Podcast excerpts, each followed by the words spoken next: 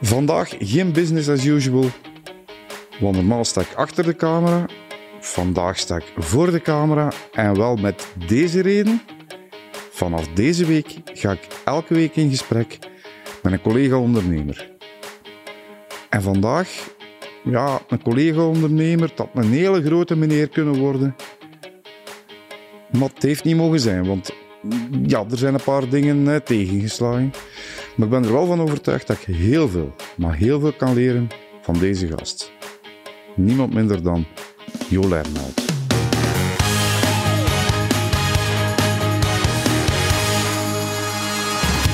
Jo, ik ga beginnen met een heel eenvoudige. Hoe is het? Um, materieel gesproken niet goed natuurlijk. Maar wel vol plannen. En um, hier van boven zit het nog uh, op een rijtje. Dus ik um, hou me recht met een heel aantal positieve zaken in het leven. Ja. Terug wat moeilijkere weken achter de rug, denk ik? Ja, de afgelopen uh, vrijdag natuurlijk, uh, door de media bestormd naar aanleiding van de uitspraak van de burgerlijke, in de burgerlijke rechtszaak. En ja, ik weet dat er uiteraard uh, veel mensen kwaad zijn op ons, omdat ze niet goed snappen waarom dat ze hun geld kwijt zijn. Uh, daarom dat ik er ook een boek over schreef, om de ware toedracht toe te lichten. Maar er zijn ook, uh, ja, ik heb 5000 Facebook-vrienden. Ik heb, denk ik, meer dan duizend steunbetuigingen ontvangen enzovoort. Um, mensen die me nog aanmoedigen om ook nog als nodig is terug opnieuw te ondernemen. Want dat is mijn passie. En zeker als het over spraaktechnologie gaat. En dat is wat dat je doet, hè? Ondernemen. Ja. Want zelfs na LNH, waar we het straks gaan over hebben, zijn de blijven ondernemen, hè? En nu nog. En nu nog. Ik heb, um, ben bezig met een aantal uh, Belgische zakenvrienden en ook een aantal Filipijnse zakenvrienden om een nieuw bedrijf op te zetten op vlak van online learning, maar met de nieuwe um, opkomende technologie van um, augmented reality, smart classes, avatariseren van leraars, er zelfs deepfakes van maken. En die interactief via een holografische omgeving praten met hun leerlingen en die op die manier lesgeven. En van alles en nog iets. Taalles, immersief, rondwandelen zelfs met de kinderen in een restaurant en daar hen leren en laten iets bestellen enzovoort. Dus volledig inspelend op de metaverse, hè, waar uh, Mark Zuckerberg het over heeft en vele anderen. En um, daarin nieuwe vormen van online um, aanleren en online education van maken in verticale sectoren, bijvoorbeeld taallessen, maar immersief. Dus op zo'n manier dat het zeer dicht benadert wat het anders zou zijn als er een face-to-face leraar tot leerling um, in klasverband contact zou zijn en educatie zou zijn. Dus zo dicht mogelijk de realiteit um, virtualiseren en benaderen. Ligt daar de toekomst? Voor aanvullend voor um, opleiding en in tal van diverse sectoren ligt de toekomst daar zeker. Voor gaming en veel andere zaken ook. Um, virtueel meeten, bijvoorbeeld. Wij zouden in plaats van hier fysisch samen te zitten, gewoon in een virtuele ruimte zitten. Dat komt allemaal met 100% zekerheid op ons af. Maar wij met ons nieuw bedrijf, dat heet Areolas, dat in Ieper zal gevestigd zijn, wij gaan erop inspelen. En dat uitwerken in bepaalde vakken met zeer nuttige toepassingen. Aanvullend op het bestaand onderwijs dat soms een aantal dingen niet kan uitvoeren. Een leraar kan niet alle dagen met zijn leerlingen fysisch op stap gaan. Met virtuele omgevingen kan dat wel. En ze leren veel sneller een taal op die manier. Dus ziet u, het is aanvullend, niet vervangend. Je bent 73 en de termen die ik je hoor noemen, AI, deepfake, um, hologrammen. Ik hoorde mijn vader van 73 niet vertellen, hè? ja, dat komt, het is mijn passie van als ik een klein manneke was. Taal en zal een computer ooit een denkend wezen worden en kunnen spreken enzovoort? Ik uh, vraag me niet waarom, maar als ik al nog een, nog een teenager was, uh, was ik daar al mee bezig zo. En daar veel over lezen. En naderhand zijn we ook, hebben we er ook een bedrijf in gestart. En kennis gemaakt met al de groten der aarde uh, op vlak van de wetenschap, onderliggende wetenschap en onderliggende technologie. Ray Kurzweil, Bill Gates, allemaal persoonlijk gekend. Uh, zeer goed gekend zelfs, en erover gesproken. En daardoor is mijn hoe zou ik zeggen, mijn bak met kennis altijd maar gegroeid. En dan ben ik dat blijven volgen. Alle dagen studeer ik daar drie, vier uur over. In de vroege ochtenduurtjes. Als het nog allemaal heel stil is in huis en zo. Maar het is mijn passie. En als iets uw passie is, dan leert het ook gemakkelijker. Je bent wiskundeleraar van opleiding, hè? Uh, uh, wetenschappen. Wetenschappen. Ja, biologie, scheikunde enzovoort. Ja. Hoe kom je dan in die softwarewereld? Hoe ben je ooit in die softwarewereld verzeild geraakt? Wel, ik was eerst leraar en kokzijde. Twee jaar in de hotelschoool Terduinen. Nog heel veel sterrenchefs op vandaag. Uh, bezoek ik nog graag in hun restaurants en we zijn nog vrienden. Zoals? Uh, oh, um, die van de Kerkhoven in de tijd um, in Albeek. Um, Luc van Kouteren um, van uh, maar die is helaas overleden, enzovoort, ja. Maar, en nog veel andere, overal waar ik in sterrenrestaurants zat, zijn er wel die kan hier, Peferoen en noem maar op. Maar na twee jaar um, had ik het eigenlijk een beetje te bond gemaakt door mijn, studenten waren eerder mijn vrienden dan mijn leerlingen. Ik had wel veel gezag, want ik gaf een gratis bijles op voorwaarde dat ze stil bleven in de klas. En zij leerden mij koken ook. Dat was een heel vriendschappelijk en te veel op café gaan samen. En dan, voor zo'n katholieke school was dat een brug te ver. Dus ben ermee gestopt. Niet om, ik werd aangeraden, zachtjes zo van, zoek iets anders. Een oudere collega van mij, die had ooit overgestapt, gemaakt van regentaat, of regent, eh, naar um, afgevaardigde, medisch afgevaardigde. En hij zegt dat is veel leuker, we hebben een, veel grotere auto van het bedrijf en drie keer de waarde van een leraar. Oh, ik zeg, ik ga dat doen niet. Ook al omdat dicht bij mijn passie lag, biologie, scheikunde, wetenschappen. Een delegie, dat we zeggen vandaag. Ja, een delegie. Ik heb dat vijf jaar gedaan. En ik deed dat graag. Soms lang wachten in de wachtzalen was er te veel aan, maar, maar ik deed het wel graag. En het lukte ook, want je kunt niet rechtstreeks aan een dokter verkopen in België. Maar je kunt hem wel beïnvloeden en dan ziet, dan ziet men dat in de verkoop van de apotheken in de buurt. En ik was zo op die manier topverkoper, vijf jaar lang, en ik deed het bijzonder graag. Maar toen zei mijn broer, die uh, iets jonger is dan mij en die uh, ingenieur uh, computerwetenschappen was van, van de UGent, zeggen waarom hadden niet in de computerbranche? Dat is de toekomst. Ik spreek over, ja, uh, eind jaren, eind jaar 77 of zoiets, ja. Maar ik zei, ja, kan ik daar niks van? Dan ben ik geen wiskundige. Maar ja, maar zei, het gaat niet over wiskunde, het gaat over logisch nadenken en wat kan een computer doen? Gezocht en een job gevonden bij een Frans-Amerikaans um, groot bedrijf, internationaal bedrijf, Honeywell Bull. Een van mijn broers zei altijd Honeywell Bull. En ten, tijd, ja, en ten tijd dat ik bij Merck Sharp Dome werkte, sprak hij altijd van, ah, werk jij bij uh, uh, merk van die Sharp en die condooms. nou, van ja, kom. Uh, typische uh, intrafamilie grapjes. Maar mijn broer zei, moet, moet, moet leren en Honeywell Bull bood mij een job aan en een opleiding in Brussel. Van drie maanden leren programmeren en dan ben ik in de computerverkoop gegaan um, le wat leren programmeren en dan uh, systemen verkopen um, met boekhoudpakketten op en zo. En dat ging goed. Dat was, dat was toch het begin van de computers? Het was het begin van de kleinere computers. Want ervoor, uh, alleen grote bedrijven hadden grote computers van IBM. Uh, mainframes, mastodonten enzovoort. Maar de mini-computers kwamen toen op. dat was nog prijzig toen. Um, maar nog van die schijven, voor, als geheugenschijven voor, uh, een soort deksels dat je moest indraaien. Mm. Van 5 megabyte, stel je voor. En dat begon op te komen en was betaalbaar voor KMO's. En toen uh, hebben heel veel KMO's uh, dat soort minicomputers gekocht. Van Digital Equipment, van Nixdorf, maar ook van Bull. En um, dat ging goed. Ik verkocht echt wel ik was op korte tijd uh, voor West-Vlaanderen aangesteld in West- en Oost-Vlaanderen de, topverkoper. Eigenlijk waren je tot dan verkoper. Ja, klopt, ja. Maar wel van technologische spullen, eigenlijk. Of dat nu medicamenten waren of computers. Want als ik dat kan verkopen, dan, dan ligt mij dat goed. Uh, vraag mij niet van andere dingen te verkopen, chocolade of uh, spegerol, wat, dat, dat gaat me niet af. Maar dat wel. Waarom? Dat, omdat dat toevallig ook mijn interesse, passie is. En dan gaat dat wel. En na vijf jaar, uh, na twee jaar bij Bull, uh, dat liep heel goed.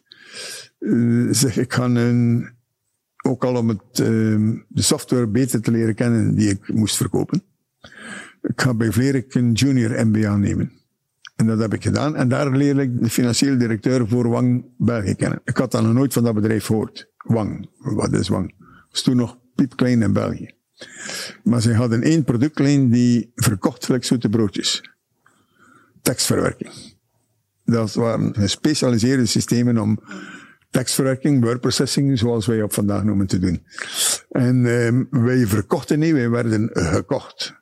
Alle bedrijven stonden in de rij om die wang tekstverwerkers te kopen. Want die waren de beste op de markt en er waren weinig andere enzovoort.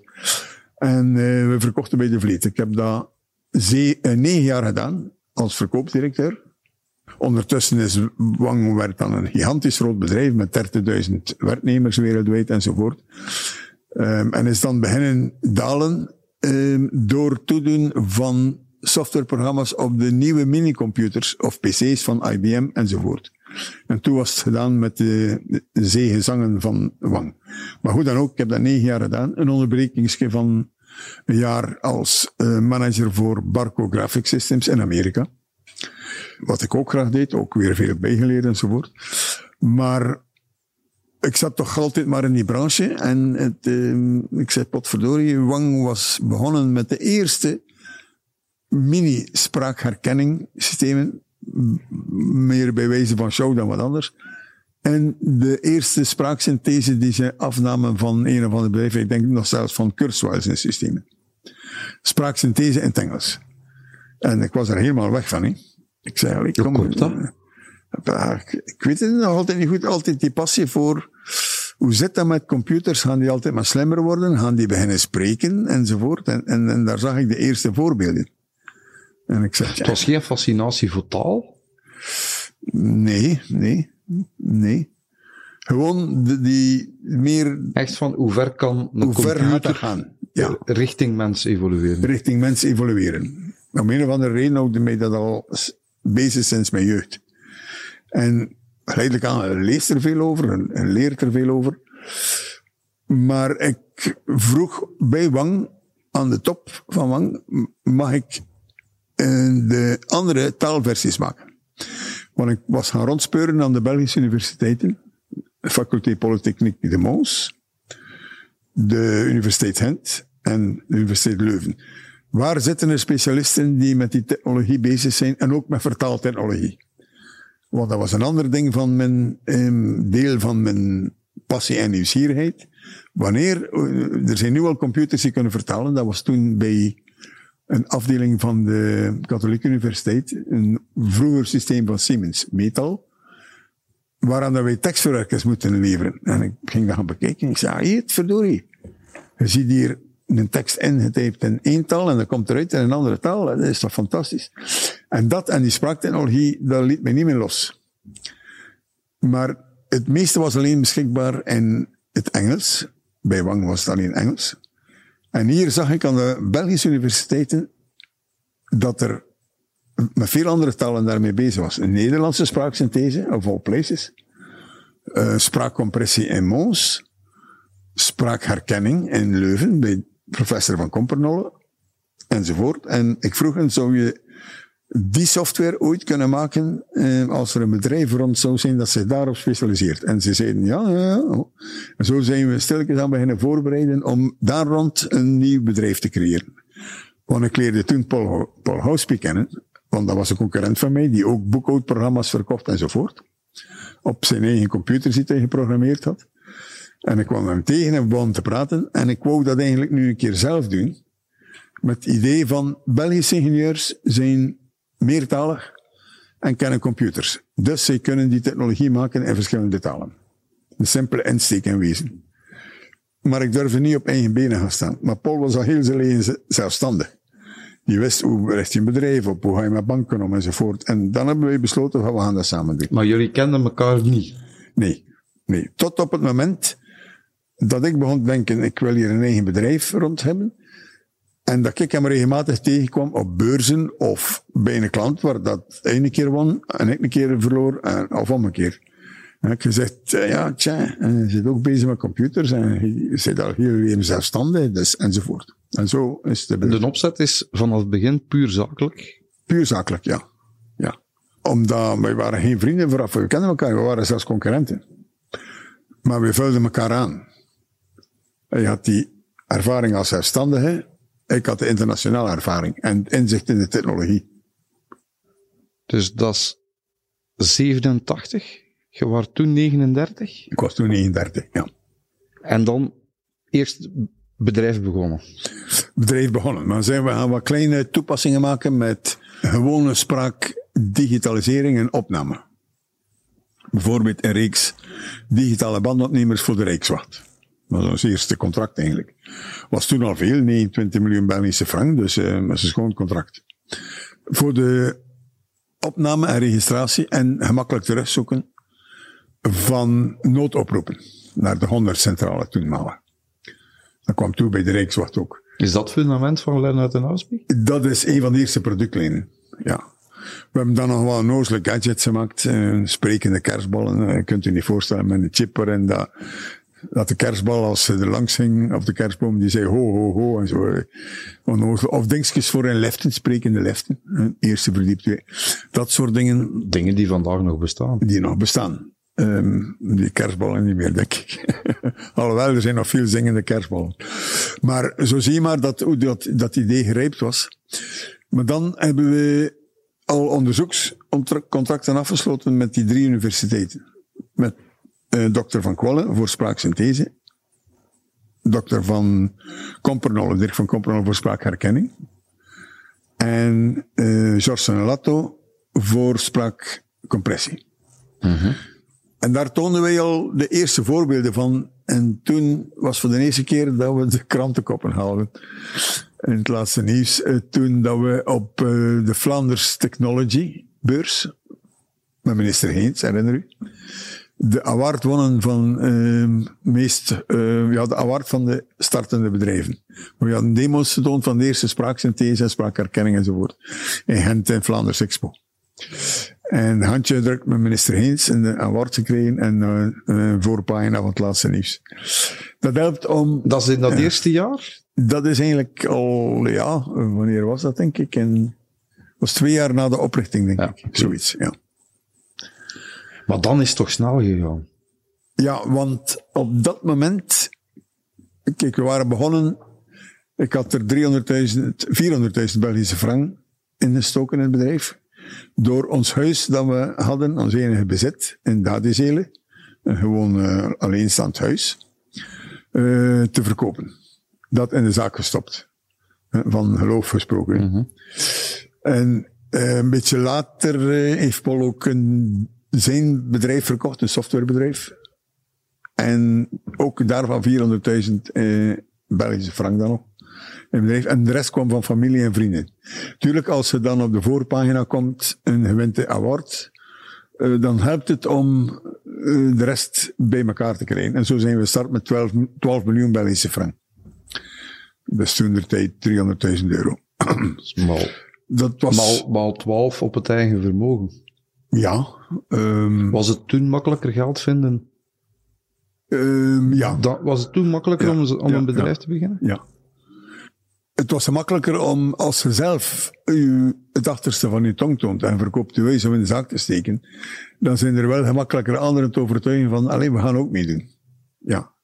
Of dat dat nu nog een argument zou zijn, weet ik niet, maar het was toen zo.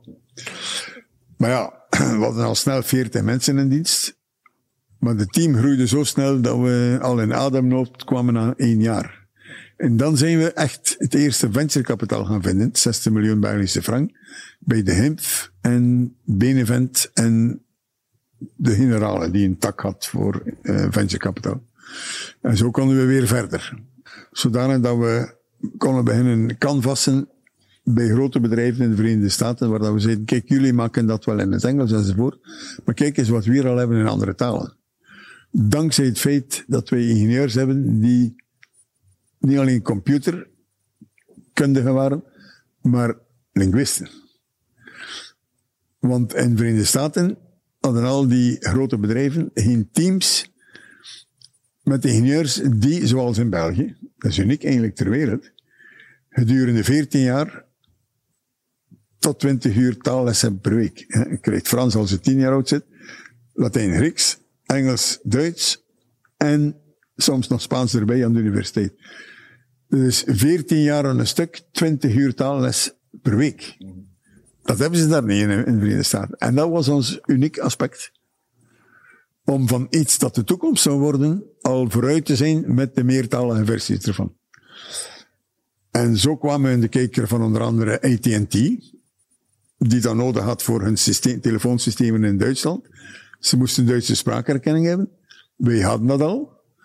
Alcatel hier in België was er ook op uit om met onze partner, en we hebben ze een beetje tegen elkaar uitgespeeld. En AT&T heeft tenslotte gezegd, kijk, boem, we steken 5 miljoen dollar in uw bedrijf. Voor 5% van de aandelen. Dus post-money, na de investering, waren we de jury en de facto 100 miljoen dollar waard. En toen kwamen we weer op de voorpagina van de kranten. Maar dat hielp ons wel om de volgende ronde te doen van verkoop van um, converteerbare obligaties. Dus maar als, later naar de beurs Als je dit nu allemaal hoort, ja. was dat het plan in 87? Het plan was om die dingen, die technologie, te verkopen aan grote bedrijven en licentievergoedingen te krijgen. Dat was het plan van in het begin. En misschien zelfs een paar eigen toepassingen. Zo. Maar dat waren de hoofdlijnen. Alleen moesten we telkens op zoek naar geld, want koken kost geld. Zeker in die technologie. Je moet topspecialisten hebben, anders heb je niks. En dus die, die, die lonen waren zeer zwaar. Af en toe konden we ze niet betalen. Paul en ik stonden van achter in de rij. We lieten eerst de anderen betalen. Er waren maanden dat wij zelf geen wet hadden. Maar het stoorde ons niet. Want we zagen dat het aan het lukken was.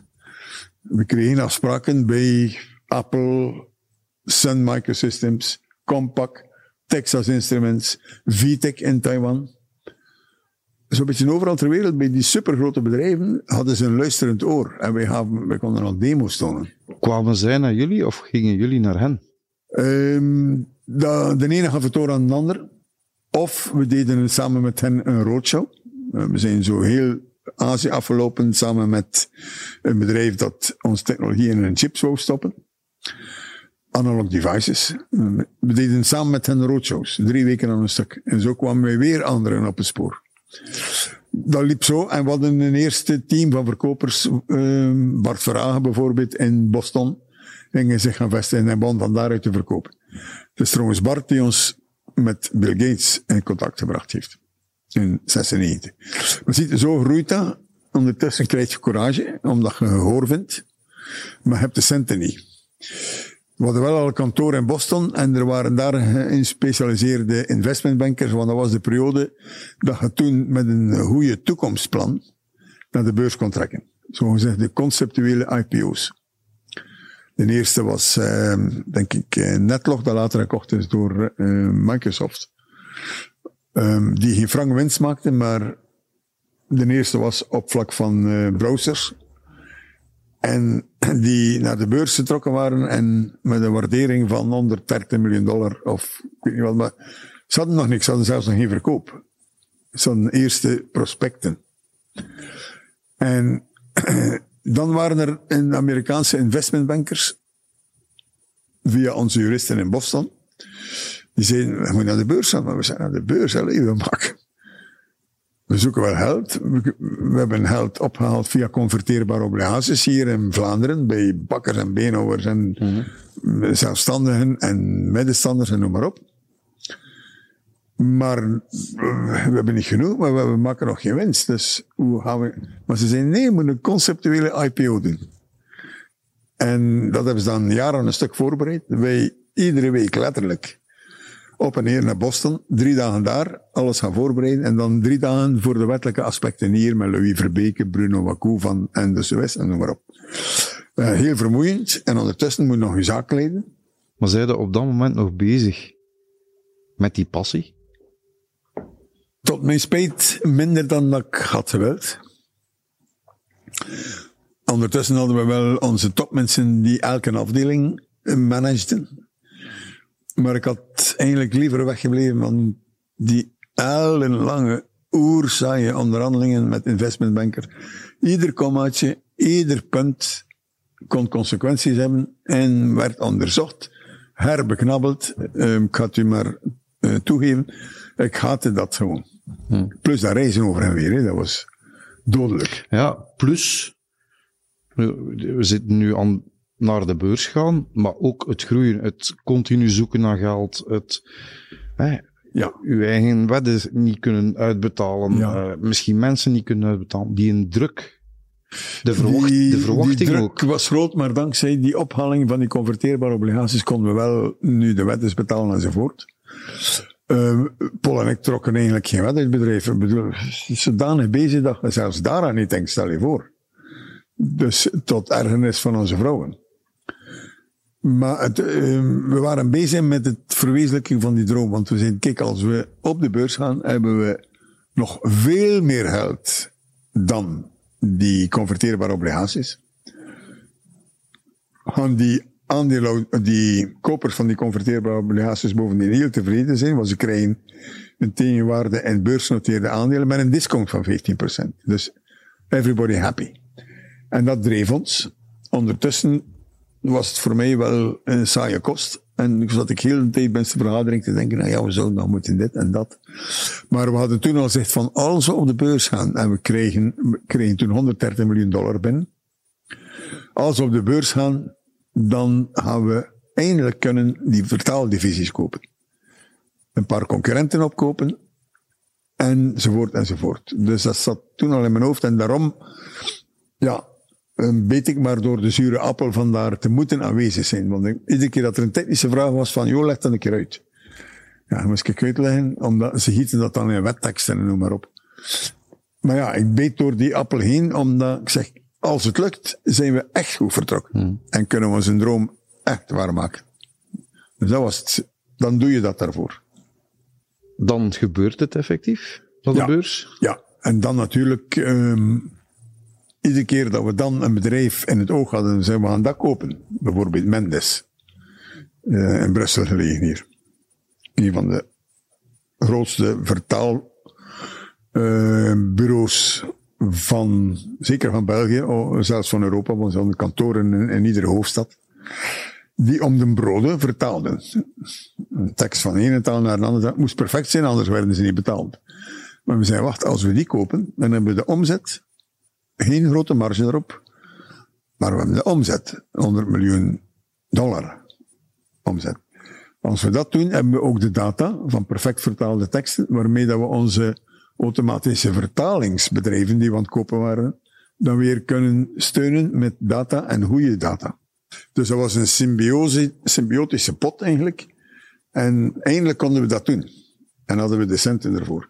Maar iedere keer dat je dat doet, begint de waarde van je aandeel te stijgen als je het op een goede manier doet. Dus te zeggen, de analisten berekenen dan de kostprijs van uw acquisitie, wordt afgeschreven over tien jaar. Hebt je daardoor meer winst per aandeel dan voor die acquisitie. Indien die berekening werd gedaan en zeiden, oké, uw afschrijving kost zoveel, uw aandeel zakt een beetje in waarde, maar boekt er zoveel winst bij, dus in de kering was het positief en steeg het aandeel. En dat ging dan redelijk rap naar 200, 300, 400 miljoen dollar waardering. Op het einde van de eerste dag notering hadden we al een waarde, daar waar het begonnen was, s ochtends aan 11 dollar, stond aandeel al aan 20 dollar. Dus ze zijn in één keer zoveel meer waard. Hoe meer waard dat je zit in aandelen, ik spreek nog niet van de cash dat je hebt in je bedrijf, maar puur de waarde van je aandelen, hoe makkelijker dat wordt om een concurrent om te kopen, op te kopen. Want dan zeiden we tegen een concurrent, kijk, het is simpel. Tot nu toe heb je een goed loon gehad, maar ze zijn niet echt dik betaald geweest. Ze zijn niet rijk geworden van je bedrijf. Terwijl je eigenaar zit en er hard voor werkt. Wij bieden nu het volgende. Wij kopen nu aan zoveel. Zoveel, zoveel is cash en zoveel is in aandelen die op de beurs genoteerd zijn. Na zes maanden lock-up periode mocht je die aandelen al beginnen verkopen. En dan kunnen ineens uw kinderen wel naar MIT en Harvard laten studeren. De deal was heel snel geklonken hoor. We hebben er op drie jaar tijd 90 bedrijven gekocht. Voor een totale waarde van ongeveer, ik zou zeggen, uh, 900 dictafoon, 600 Dragon en dan al de rest 10, 20 miljoen dollar. Een Novell afdeling bijvoorbeeld. Laten we zeggen 3 miljard dollar. Dat is drie per maand, hè? Dat is drie per maand. Ja. Wie was daarmee bezig? Waren jullie daar zelf mee bezig? Ik, Waren jullie daar zelf bij ja, betrokken? Ja, ja, ja. Um, redelijk sterk.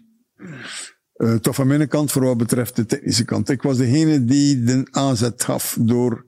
Jij zocht de bedrijven? Ik zocht ze en ik wist wie dat wat waardevols had. Dan gingen we kijken bij de investmentbankers, kunnen dat een keer onderzoeken. En ook KPMG. Kunnen keer kijken, binnen en buiten, wat is dat bedrijf waard? Dan benaderde ik hen, meestal was ik degene die hen benaderde. Oh, ik kon het goed uitleggen, zeker wat betreft technologie. Ik kan dat nu nog, ik kon dat toen ook. Op dat vlak was ik wel een, een goede verkoper. Je moet dat die mensen het zodanig doen inzien dat ze hun ziel verkopen, hun kind. Dat is niet altijd gemakkelijk. Maar uiteindelijk, als ze zeggen, ja, potverdorie, eindelijk gaan we een keer echt rijk worden, door liquide aandelen, dan werd de rest van het verhaal redelijk bijna routine. Je stuurt er u bij, naar de eerste principeovereenkomst, je stuurt er uw bankiers naartoe, uw investmentbanker, KPMG als auditor. Die moeten onderzoeken, gaat dat nu opleveren, gaat dat het aandeel schaden of niet? Of gaat het aandeel juist positiever maken? Als dat rond is, dan begint dan de onderhandelingen. Due diligence onderzoekt of alle feiten correct zijn. Maar dat proces van die bankiers enzovoort, ik had daar gewoon de pest aan. En zij deden dat, ik moest daar niet meer bij zijn. Ik moest er alleen bij zijn om het ding te verkopen, dit concept in het begin. En nadien bij de afsluitingsceremonie. Dus ik kon voort mijn andere werk doen. En zo kunt je dan dat ritme aan. Dat lijkt me toch een moeilijke. Het was op de duur redelijk eenvoudig hoor. Ja, we worden daar niet ongelooflijk hard in. Nee, we moeten het met sympathie doen en liefde voor het vak. hè. Kijk, ehm, Dragon is, is één verhaal. Ehm, we hebben er 600 miljoen dollar voor betaald. De helft in cash, de helft in Wat, wat is. Dragon? Dragon was de beste in spraakherkenning voor dicteren via een computer, via een PC.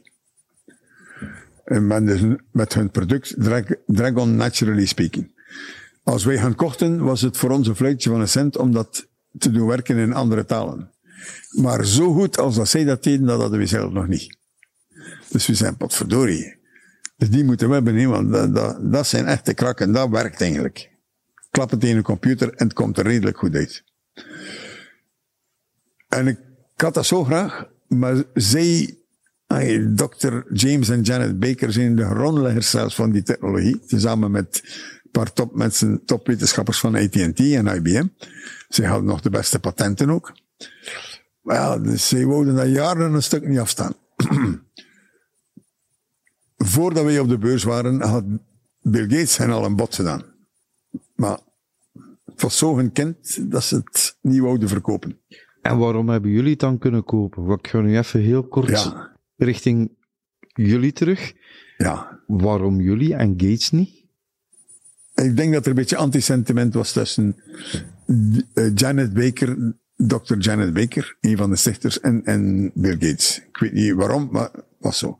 Ze zagen dat te veel als een, ja, een mastodont die gaan we versmachten of zoiets. Ik weet het niet. Maar wij waren de kleine Belgjes en naar hen toe waren wij precies geen bedreiging. Maar ja, we hadden wel eh, de geloofsbrieven van de beurs. Hè. En we zeiden, ik zeg tegen Janet, kijk, we zijn nu al zo lang bezig, je raakt niet op de beurs. Er zijn bieders waar dat je al nee tegen gezegd hebt, Microsoft, maar wij komen hier met een zeer aantrekkelijk bod. 600 miljoen dollar. 300 in cash, 300 in aandelen. Dus ze zit meteen rijk in cash, want tot nu toe, ik zei tegen Janet, sorry dat ik het moet zeggen, maar hebt nog niet veel eh, kunnen eh, mee naar huis doen. Niet? is het half betaald van de overheid. Terwijl uw kinderen, die straks naar de duurste college, eh, universiteiten moeten gaan, hoe ga je dat betalen? En zat daar, ja, ik had een, op een of andere manier was er een zekere sympathie. We waren precies niet groot genoeg om hem helemaal buiten te gooien zo. En toch met een zeer rijk aanbod. En daar ging ze dus op in. Na zoveel jaren, want ik heb er jaren mee gepraat. He. Het was niet van de ene dag op de andere. Nee. Dictafon was weer een ander verhaal. en daar zijn we eigenlijk in de val gelopen. Dictafon had al jaren een omzet van 350 miljoen dollar met, apparaatjes en ook um, grote digitale opslagapparatuur in Pentagon. Nu, de baas daarvan, die later nog een tijdje CEO geweest is van LNH, John Durden, was een vroegere CEO wereldwijd van Adidas. En die is dan CEO geworden van Dictaphone. Maar die zaten met 500 miljoen dollar schuld en ik kreeg dat niet opgeraakt, op, opgekuist. Die omzet steeg niet meer. Oude bandjestechnologie en die kleine bandopnemertjes, het verkocht niet meer, of niet meer zo goed. En hij heeft mij twee jaar opgevreed. Zelfs als ik een zeldzame keer vakantie nam in het zuiden van Frankrijk, was hij me daar aan het opbellen en dan lag ik te discussiëren aan het zwembad daar. En ik bedoel, dat grote frustratie van, van mijn gezin toen. Want het was weer geen vakantie. Maar hij zegt, ja maar ja, weet je wat? Philips is ons aan het. Want ze willen ons opkopen om hun spraaktechnologie in al die bandopnemertjes te steken. Wat voor hen een consumentenbusiness is, waar ze goed in zijn. Dat is juist ook. Maar ja, de spraaktechnologie is niet zo goed als dat van jullie. Dus zij waren mee aan het.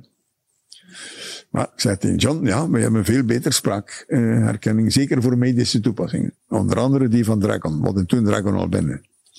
Ja, maar ja, ik weet dat zeggen. Maar zeg, er moet ons opkopen in plaats van dat je technologie levert aan ons. Dan zijn wij één pot nat. Tuurlijk, die 500 miljoen dollar ging daar nog. De prijs ging van 300 miljoen dollar, eerste bod, 600, uiteindelijk 900, waarvan de helft dus die schuldenlast die ze hadden. De andere helft in aandelen. En de deal was gesloten, maar wij zaten met een, met een aap en, op onze schouder, die 500 miljoen dollar. Nu, we waren toen al 10 miljard dollar waard. Dus 500 miljoen is maar 5% ervan. Dus onze bankier zei, dat is best te dragen dat je vreemd vermogen bijhaalt van 5% van je balanswaarde. Dus je mocht dat doen. Je hebt de voordelen van de omzet van dictafoon enzovoort. Maar dan hebben we ons juist onszelf een Achillespees aangenaaid. Want we hadden ervoor eigenlijk geen schulden op ons balans. Geen vreemd vermogen. Het was allemaal beurswaarde en eigen vermogen. En dan koopt je plots iets met 500 miljoen dollar schuld, die de banken maar al te graag uh, lening voor gaven. Maar als dan uw aandeel naar nul gaat, dan gaat uw balans naar nul, wat betreft eigen vermogen. En hebt je meer vreemd vermogen dan eigen vermogen. En zit de technisch failliet. En dan, nadat we dictafoon gekocht hadden, ondanks de verwittiging van Duitse spionagediensten, doet dat niet, het is uw dood. Hebben we toch gedaan, omdat we die omzet zagen blinken en die data van al die dokters die spreken, konden we gebruiken voor onze spraakherkenning. Dat, dus, daarom deden we dat. Ondanks de verwittiging die we gekregen hadden vanuit Duitsland, dan nog. En dan, natuurlijk, zijn ze direct bijna kapot schieten vanuit de Wall Street Journal. Het aandeel gaat naar nul en wij waren technisch failliet. Qua balanswaarde, maar niet qua assets. Want het is nog iets anders. Ja. Daar, kan ik straks iets over zeggen. Is dat, eigen gezegd, tegen beter weten in hebben we dat toch gekocht? Ja. Is dat op een bepaald moment op zo'n snelheid gaan, zo verblind zijn, dat je alles negeert? Um, en toch gaat voor en die winst en die assets die erin zitten? Ja, omdat ik was van mening, ik ben dat trouwens nog altijd. Op een heel specifiek technologisch domein. Kunt je eigenlijk op termijn maar overleven als je tot de grootste behoort.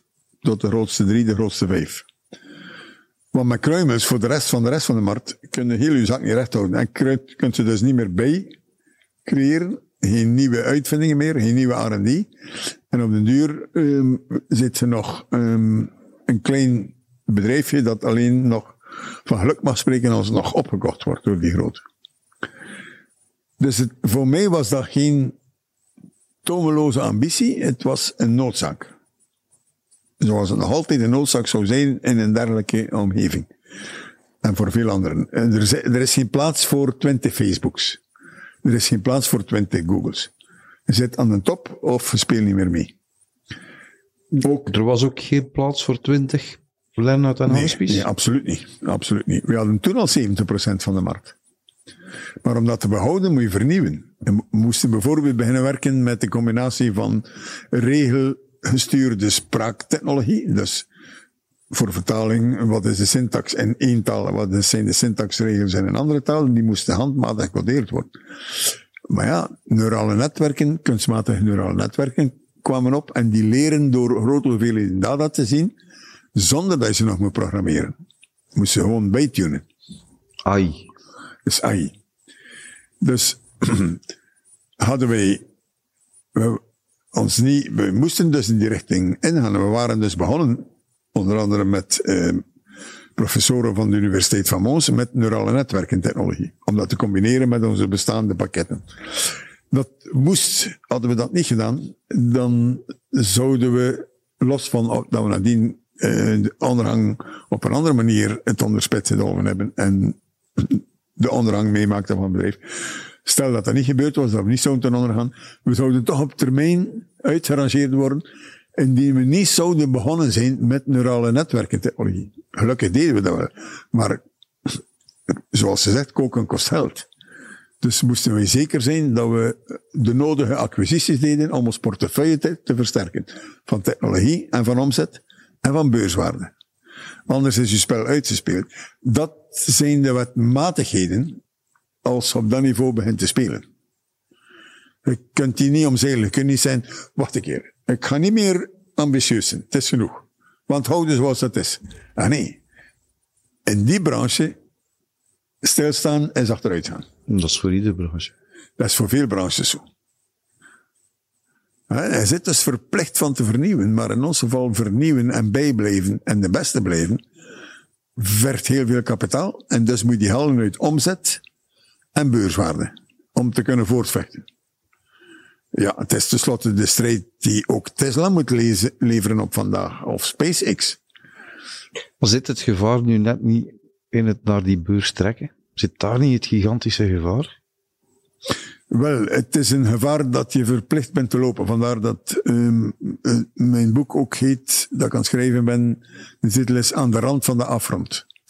Dus je moet aan de rand van de afgrond lopen. Zelfs Elon Musk. En hij doet het ook. Of gelijk wie eigenlijk. Uh, tenzij dat je al een zo'n zwaar groot bedrijf zit, uh, zoals Google en Apple en Microsoft enzovoort, met torenhoge beurswaardering en met miljarden omzet, dat je u kunt veroorloven van enkel een paar van uw leden van uw teams een beetje aan de afrond te laten lopen en riskante dingen doen. Riskante overnames, riskante ontwikkelingen die niet altijd gaan uitwerken. Zij kunnen dat, maar moet daar eerst raken. Maar voordat je daar raakt, als ze dat niet doet, ja, dan, zeker in de technologiebranche, ja, dan, dan speel je dus nooit mee aan. Het is nooit echt waarde creëren voor uw aandeelhouders. Heb je het zelf ook zo aangevoeld in die periode? dat je op een slappe koord aan de rand van een afgrond liep? Um, Want laat ons eerlijk zijn, hè. Ik, ja. De twee wonderboys uit Ieper. Ja. The sky was the limit, hè. Ja, maar wij beseften wel dat het een, een, een dagelijkse een val van vroeten was. En zorgen dat je elk van die objectieven bereikt.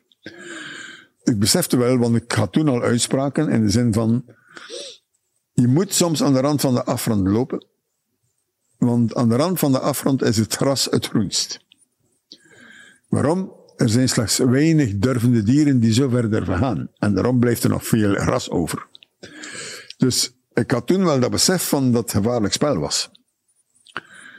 In de zin van, we zijn zoveel aan het opkopen, gaan we het wel allemaal kunnen mixen. Ik had het nog niet over het gevaar Amerika. Dat, dat, dat zat er bij mij toen nog niet in. Tenzij helemaal op het einde, de, laat, de laatste maanden van, uh, voor de Wall Street Journal artikels. Dan zijn ze ons komen verwittigen. Maar op je vraag, ja, dat was een enorme risico dat we namen door dictafoon over te nemen, maar in mijn ogen niet, want ja, had hij omzet. En die data, dat was voor mij al voldoende. Um, dat er een verwitting was gekomen van de Duitse spionagediensten, die zijn opgelet. Jullie zijn bespied door de overheid in de Verenigde Staten. Maar ze zijn bezig met technologie te kopen die zij nodig hebben voor hun militaire en andere doeleinden. Dus doe dat niet. Want als zij u aanvallen, gaat u aandelen naar beneden. En, en dat had te maken met die servers die? Die servers die uw dictafoon had, die in Pentagon staan opgestaan. Stonden opgesteld. Ze luisteren miljoenen gesprekken af per dag. Dat is een publiek geheim, juist. Nu, die gesprekken moet je ergens opslaan. En je doet dat niet op bandopnemers van de oude stijl, je doet dat op digitale bandopnemers. Waarom? Dan kun al die gesprekken in al die vreemde talen met Dragon-technologie, spraaktechnologie, laten omzetten naar uitgeschreven teksten. In het Engels, Chinees, Arabisch, noem maar op. Dan heb je vertaaltechnologie van die bedrijfjes die rond het Pentagon liggen, die we allemaal gekocht hadden. Die dat omzetten naar doorzoekbaar Engels. Want er zijn niet genoeg Arabisch sprekende uh, leden van de spionagediensten die het Arabisch kunnen ontcijferen. Dus het moet eerst in het Engels. En dan doorzoeken ze het met semantische technologie, want met keywords krijgen ze te veel rommel binnen. Of missen ze bepaalde gesprekken. Dus semantisch op concepten gebaseerde zoekmachines, dat hadden wij.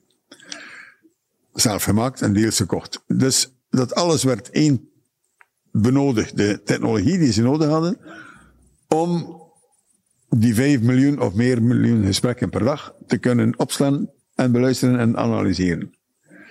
En wij worden daar dan eigenaar van. Ja, dat is vloeken in de kerk. Een buitenlands bedrijf dat eigenaar wordt en dus de toegang heeft tot wat er staat op die servers, van kritische technologie, dat is vragen om miserie. Maar wij zagen dat niet in, ze. Ah, jullie wisten dat? Ze hadden ons komen verwittigen kort ervoor. Iemand die eh, voor de Duitse spionagediensten werkte aan de Oostentop, de minister van Binnenlandse Zaken. En die kwam zeggen, doet die acquisitie niet. En we zeiden, alleen, hoe weet je dat om te beginnen? Want het is voor het moment nog geheim. Ja, maar zeggen, die diensten, die spionagediensten, die werken met alle bevriende landen samen. Met schotelantennes die uw gesprekken afluisteren enzovoort. En dat heet Echelon. Ik had van dat beest nog nooit gehoord. Maar het bestond wel. Die bespieden, zo gezegd, alleen uh, terroristen en, drugdealers. En, en witwassen. Maar nee, ze bespieden ook bedrijven. Om Amerikaanse bedrijven te helpen. Dat is illegaal, het gebeurt. Ze luisteren zelfs politici af. Ah, Angela Merkel is er slachtoffer van geworden, net zoveel anderen. En wij hoorden dat. En ik zeg, dat is een Indianenvrouw. Tegen Paul. Ik zeg, dat is, kom. Die gast heeft te veel spionagefilmpjes bekeken van Hollywood. En ik wou er niet naar luisteren, want ik, ik, dacht echt, die, die gast is aan het zwansen. Hè? kom, zeg, dat is toch... Amerikanen die overal zitten in Nederland zonder dat het parlement daarvan weet, dat kan toch niet, alleen. Goed, een beetje later kreeg Paul bezoek van de manager van Hotel Cosmos op de Rodeberg in Westouter. Paul zijn vermette lag aan de voet van de Rodeberg. En bovenop de Rodeberg stond er een Hotel Cosmos. Dat, dat floreerde toen nog redelijk. En die manager komt bij Paul Zegt, kijk, ik ben van de streek, ik ken u, enzovoort. Wij kennen elkaar. Maar kan ik je eens vertellen, zeg, er zit een, een rare kwast al drie weken in ons hotel, een Amerikaan. En als ik binnen ga in zijn kamer om de kamer te kuisen, dan zie ik daar een telescoop staan. En ik keek daardoor en ik keek recht in uw living. En ik kan zelfs merk lezen van de flessen water die op tafel staan. En met speciale microfoons. Ik kan redelijk goed horen wat voor geluiden er daar zijn aan uw vermetting. Paul zegt, hey. En zegt, ik ga je iets meer vertellen. Ik vraag aan die vent, wat doe je hier eigenlijk zo drie weken aan een stuk? Ehm, ja, zijn, ik ben ornitholoog. Waarom staat zijn telescoop op de living van Paul? Bij Paul begon dat serieus te knabbelen binnen in zijn hoofd van potverdorie, we moeten hier opletten. Maar ja, ik wou absoluut die technologie. Uh, en, en Gaston Bastiaans, die toen onze CEO was, wou die, wou die omzet. En de bankiers zijn, dat is een goede deal. We zijn erin gelopen, hè. het was onze Achillespees. Was Paul voorzichtiger geweest? Ja, ja. Paul, Paul begon te zeggen, joh, laten we even wachten. Het is, maar ik was te driest. En Gaston ook. Hij zei, komt het nu of nooit, hè. En dat is de ondergang geweest? Dat is een ondergang geweest, want toen, ze waren al pissed off. Ze hadden Janet Baker van Dragon naar uh, Washington geroepen, bij, in het Pentagon. En daar hadden ze gezegd, want Janet had haar bedrijf dat al jarenlang gesponsord was. En instond voor heel wat kritische opdrachten, onder andere die vertalingen op die servers en noem. Verkoopt dan ons bedrijf aan ons. En dan zei ze tegen Jan, eh, eh, sorry dat ik ga nu even quoteren. What the fuck did you think to sell your company to those two Belgian assholes? Janet had mij dat al komen vertellen. En een beetje later kopen we dictafoon en dat was de brug te ver. Toen dat we Dragon kochten, hadden we geen schulden. Het was al betaald met eigen middelen van het bedrijf. Maar dictafoon was met 500 miljoen schulden die zij hadden, die wij overkochten en herfinancierden hier met leningen. Dus waren wij kwetsbaar, want toen konden ze het aandeel naar beneden slaan, naar nul praten bij manier van spreken, en dan zijn de technische en dikke juridische en belastingkundige problemen. En het is daar dat jullie een aantal kunstgrepen gedaan hebben? Nee, wij hebben nooit geen kunstgrepen gedaan. De enige kunstgreep die niet wettelijk was, en die voorliggen was aan de aandeelhouders, was door onze eh, filiaalhouders van het Koreaans verhaal, uh, subsidie die we hadden, die we opgekocht hadden. Dat, was, dat was onze eigen dochter dus. En die deed letters of intent van Samsung en andere grote bedrijven, Hyundai, noem ze maar op, van Korea, doen voorkomen als betaalde contracten. Met de hulp van hun eigen vriendjes van bankiers. Dat is liegen aan, de, aan, aan uw uh, publiek. Hè? Dat zeggen wij aan uw aandeelhouders. Wij hebben die omzet, maar het was nog geen omzet. Maar al het ander die, waarover dat ze geschreven hebben dat wij trucken toepasten en lege dozen en, en host companies, was simpel omzet. Gewoon franchise van aanmaken van talen. Wie de rechten kocht, kreeg het recht om bijvoorbeeld Turks te maken. Of Farsi, het speelt geen rol. Die mensen betaalden om dat te mogen doen als exclusieve franchise. Dat is volledig wettelijk en moesten we zelfs boeken als omzet. Is nadien uh, geïnterpreteerd geweest door de rechtbank als het doen voorkomen van toekomstige inkomsten als huidige inkomsten. Nee, nee, dat. En ik blijf daarmee, ik ga daarbij blijven tot in mijn graf. Dat was geen fraude, was zelfs geen trucken van de voor. Altijd door de media verkeerd voorgesteld en door de rechtsinstanties verkeerd voorgesteld.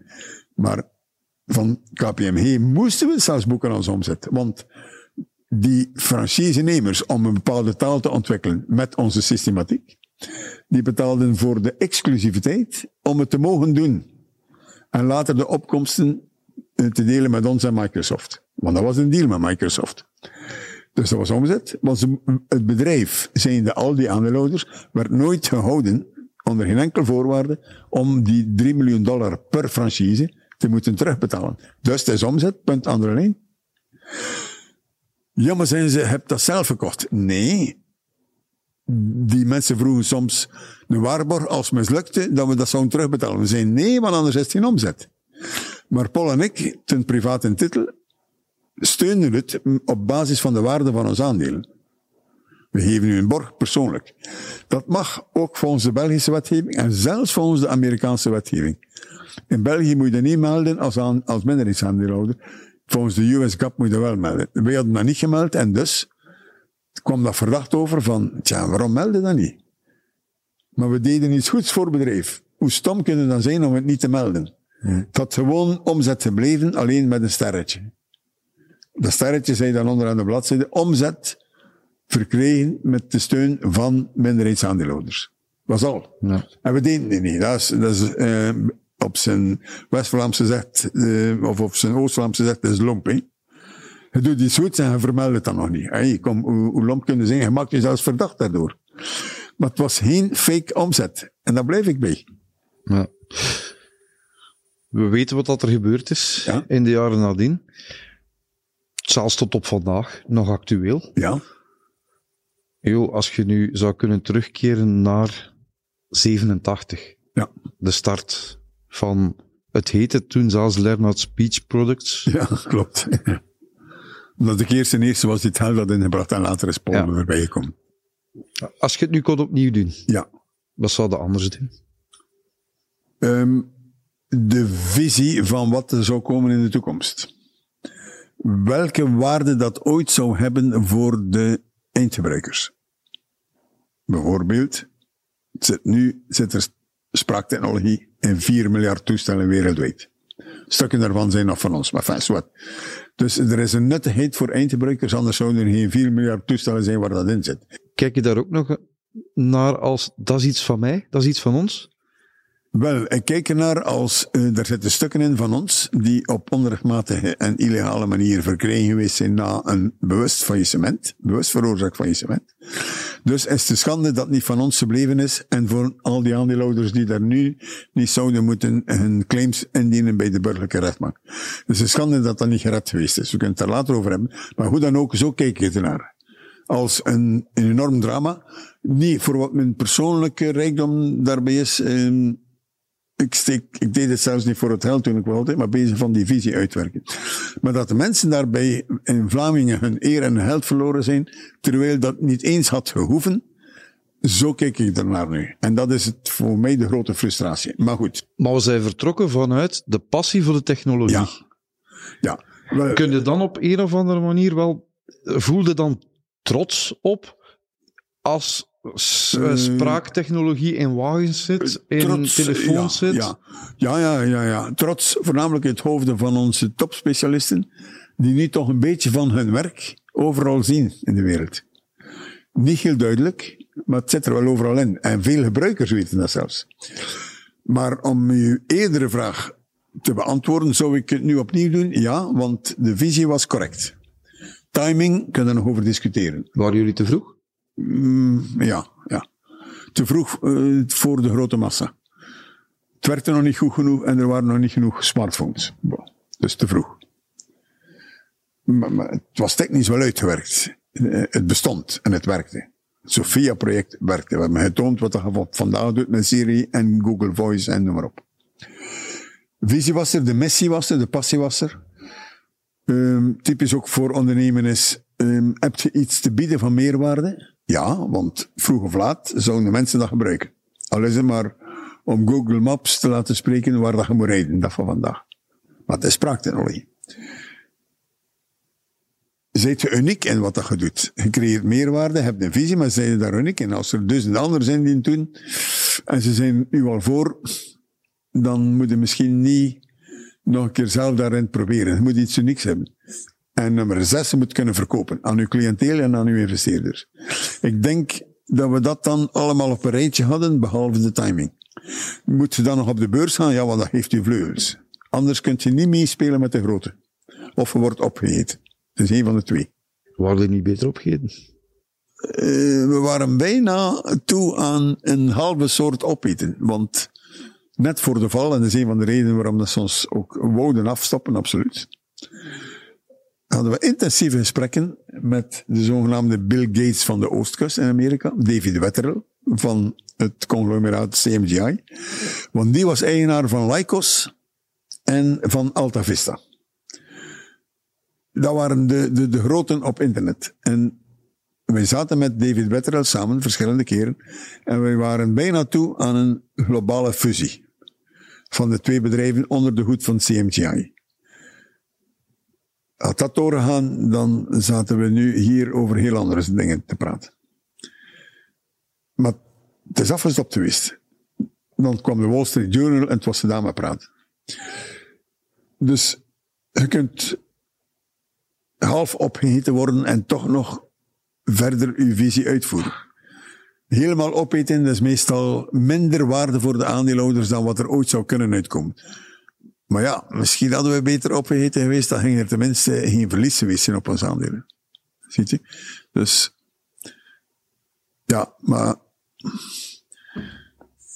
zou ik me nu vroeger laten opkopen en de aandeelhouders met een meerwaarde naar huis laten gaan? Ja. Dat is het enige punt dat ik nu anders zou doen dan vroeger.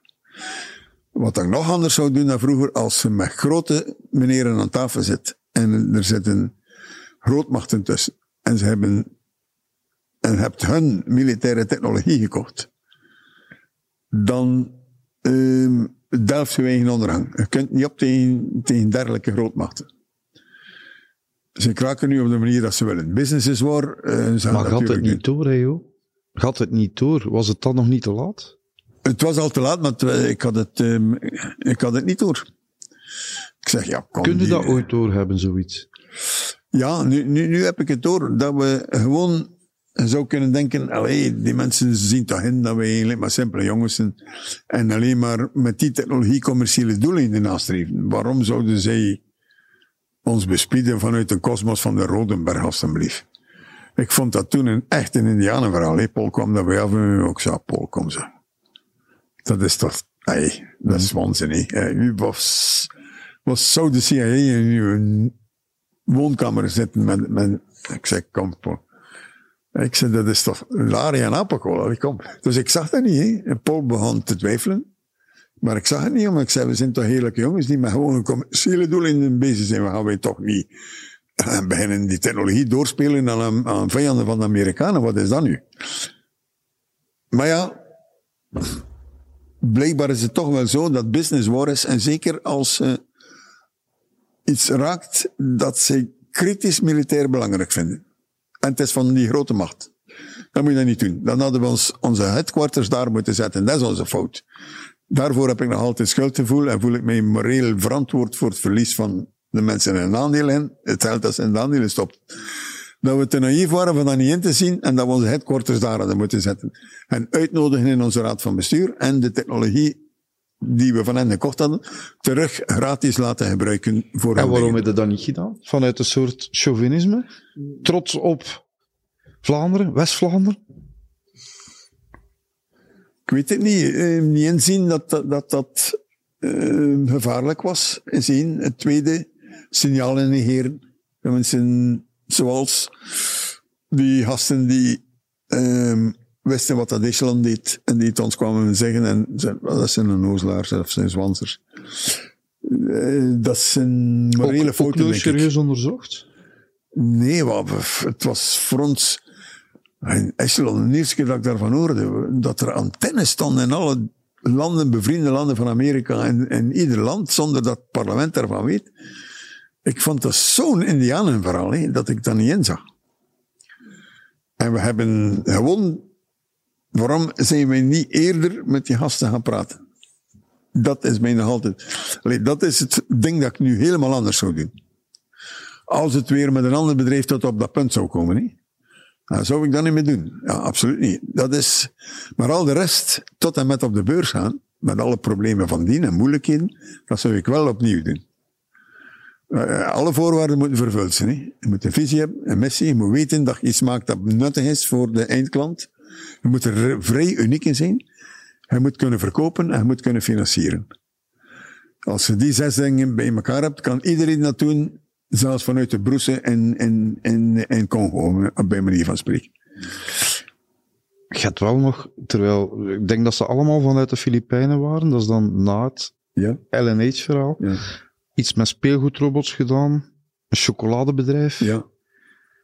Mia Mia. Ja. Waarom zijn die projecten gestand? Goopy was een technologisch project dat ik bedacht had zelfs vanuit de gevangenis. Goopy, dat was dat caviatje. De naam is gegeven door de CEO die het, eh, dan het bedrijf gemaakt en geleid heeft er rond. Uh, Frank Arnold, die heeft gezegd, ah, we gaan dat beestje noemen Goopy. Ik zeg, waarom? Guilty until proven innocent. dat is, vandaar de naam Goopy. Het, het was overengineerd. Ik had het veel te mooi willen maken met, met duizenden dingen zoals Tamaguchi. Uh, en dat het kon zich aan nu hechten enzovoort. Dus te duur. En um, te weinig kapitaal om de speelgoedmarkt in te gaan.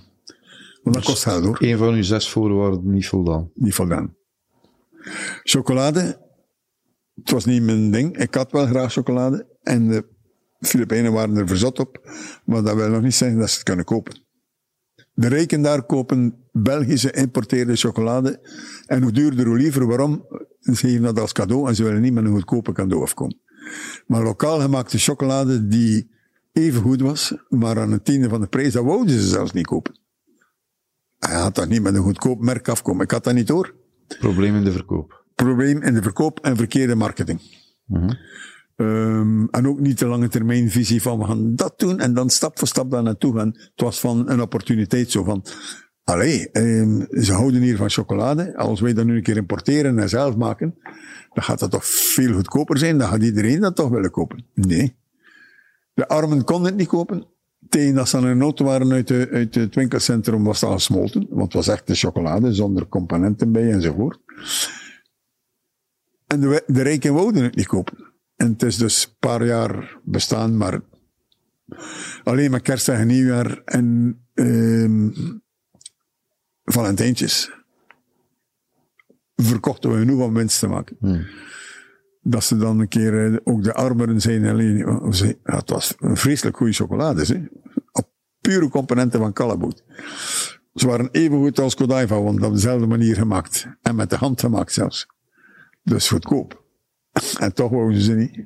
Fout omdat ik de markt niet kende en ja, niet de echte passie ervoor had enzovoort. Maar nu staat de blik op een nieuw project? Ja, ik moet nog zeggen, Mia Mia uh, was een combinatie van software die sms'jes kon krijgen op een server, ontleden, gaan zoeken op Google, want ze hadden toen nog geen smartphones.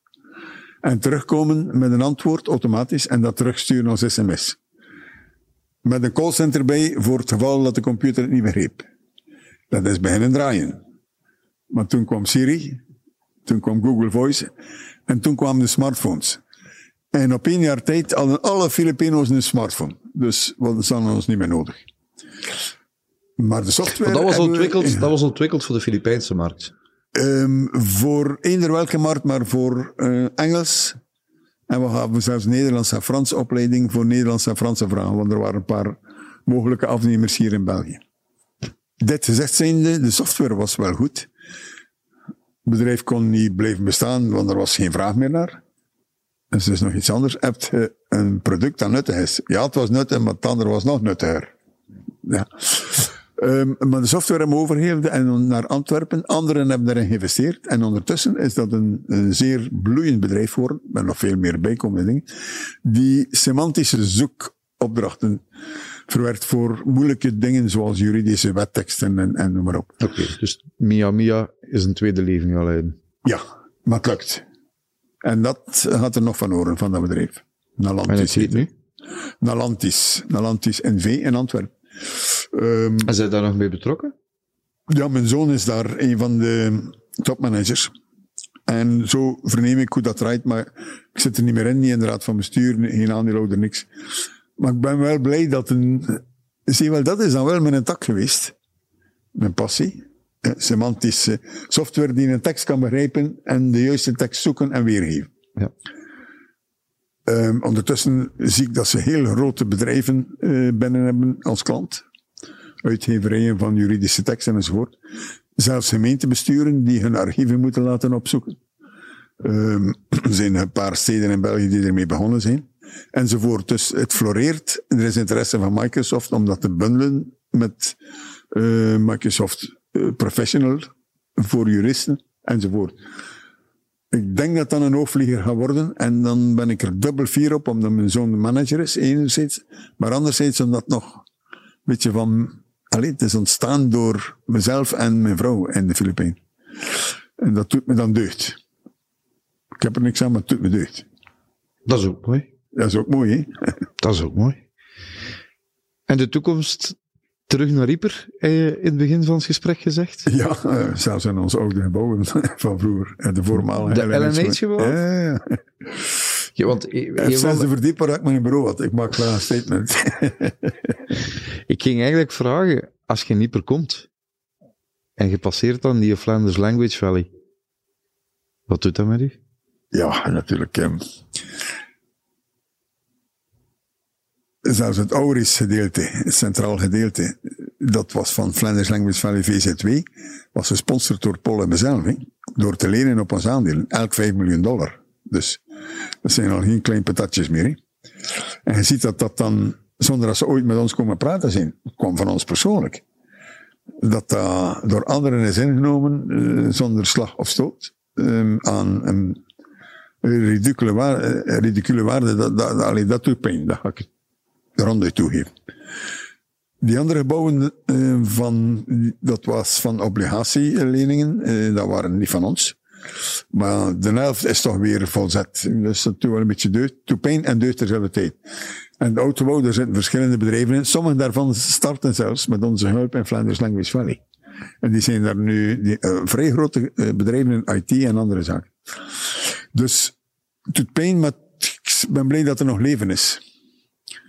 Maar ik kan niet ontkennen dat zoiets zijn. Ik bedoel, het gaat hem niet over de materiële waarde, het gaat hem over de, de, de, gewoon, ja, dat dat niet had hoeven te gebeuren. En eh, zo, dat, dat doet pijn. Ik heb ergens gelezen, ik hoop dat het nog lang mag duren, joh. Maar op uw graf mag er iets staan. Ja. Ik stopte nooit met ondernemen.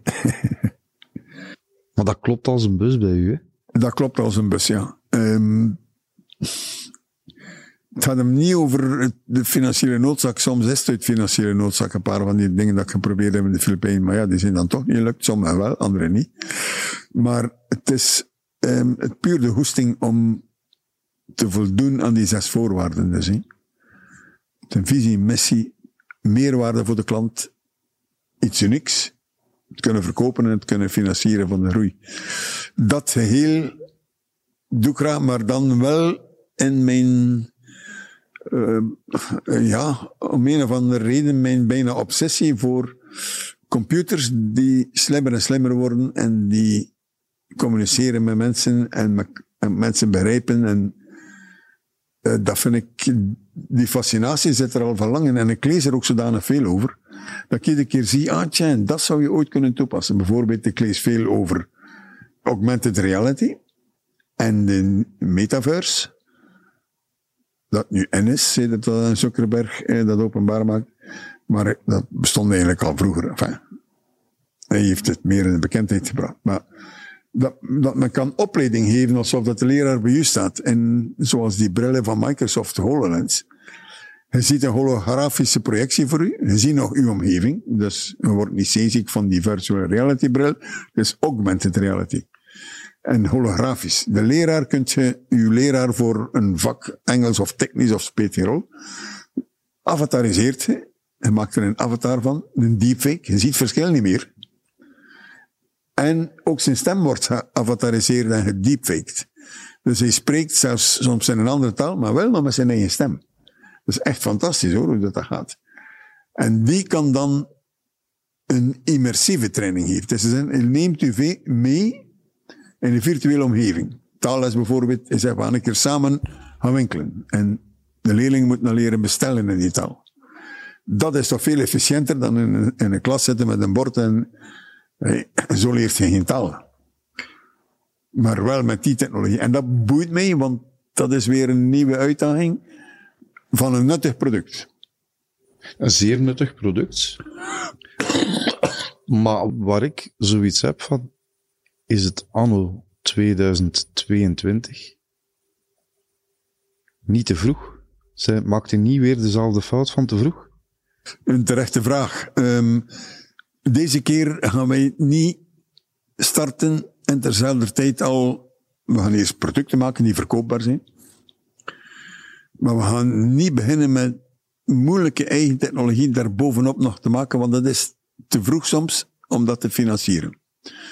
We gaan het dus doen met dingen die bestaan. Want al die technologie, zoals tools om te avatariseren, die augmented reality brillen van Microsoft bijvoorbeeld, die bestaan. Die worden al gebruikt, ook in België. Bijvoorbeeld voor technische opleidingen bij Demo gebruiken ze Microsoft HoloLens. Voor rondleidingen in stad Gent gebruiken ze Microsoft HoloLens. Dus het bestaat allemaal. We moeten het alleen maar vermeerderen met Natural Language Understanding. Ons traditioneel vak en professie, bij manier van spreken. Zodanig dat er nu ook interactie is tussen de avatar en de leerling. Die vragen kan stellen en ze spelen op elkaar in. Want zo moet het. Dus we voegen er iets aan toe dat eigenlijk al lang bestaat, en, maar het, de combinatie bestaat nog niet. Je moet alleen dus combineren. Hopelijk met de steun en, uh, van studenten van HOWEST. Want die zijn zeer goed en gaming is in wereldbekend, die gasten. Hè? Dat is onvoorstelbaar. Dus we gaan daar proberen mee samenwerken, dat we een beetje kennis erop binnenhalen. Maar dat is de doelstelling. Niet te moeilijk, nuttige producten die nu verkoopbaar zijn. Dus niet te ver in de toekomst. Die fout gaan we niet meer hermaken, maar het is een terechte vraag. Ja, je zegt direct verkoopbaar. Zie je dat al gebeuren? Wanneer, ik zal de vraag anders stellen. Wanneer gaan we van het klassieke onderwijs afstappen en gaan we dit 100% in realiteit zien? Wel, um, van de klassieke uh, leraar, leerling en klasverband, die elkaar in de ogen kijken, daar zal men nooit van afstappen. Want die menselijke factor is er nog nodig voor de motivatie van die leerling. Die leraar moet die aanvoelen. Dan kan dat, dat is een beetje wat we gezien hebben met de coronacrisis. Hè? Het afstandsonderwijs, voor sommige leerlingen toch niet zo efficiënt. Hè? Nee, maar juist daarom hebben we gezien dat een simulatie die zo goed mogelijk nabootst van wat er anders in de klas zou zijn. Dus wij avatariseren de gebruikelijke leraar. Het is geen cartoonachtig avatartje meer die daar staat. Het is een gebruikelijke leraar. in en er is wel communicatie.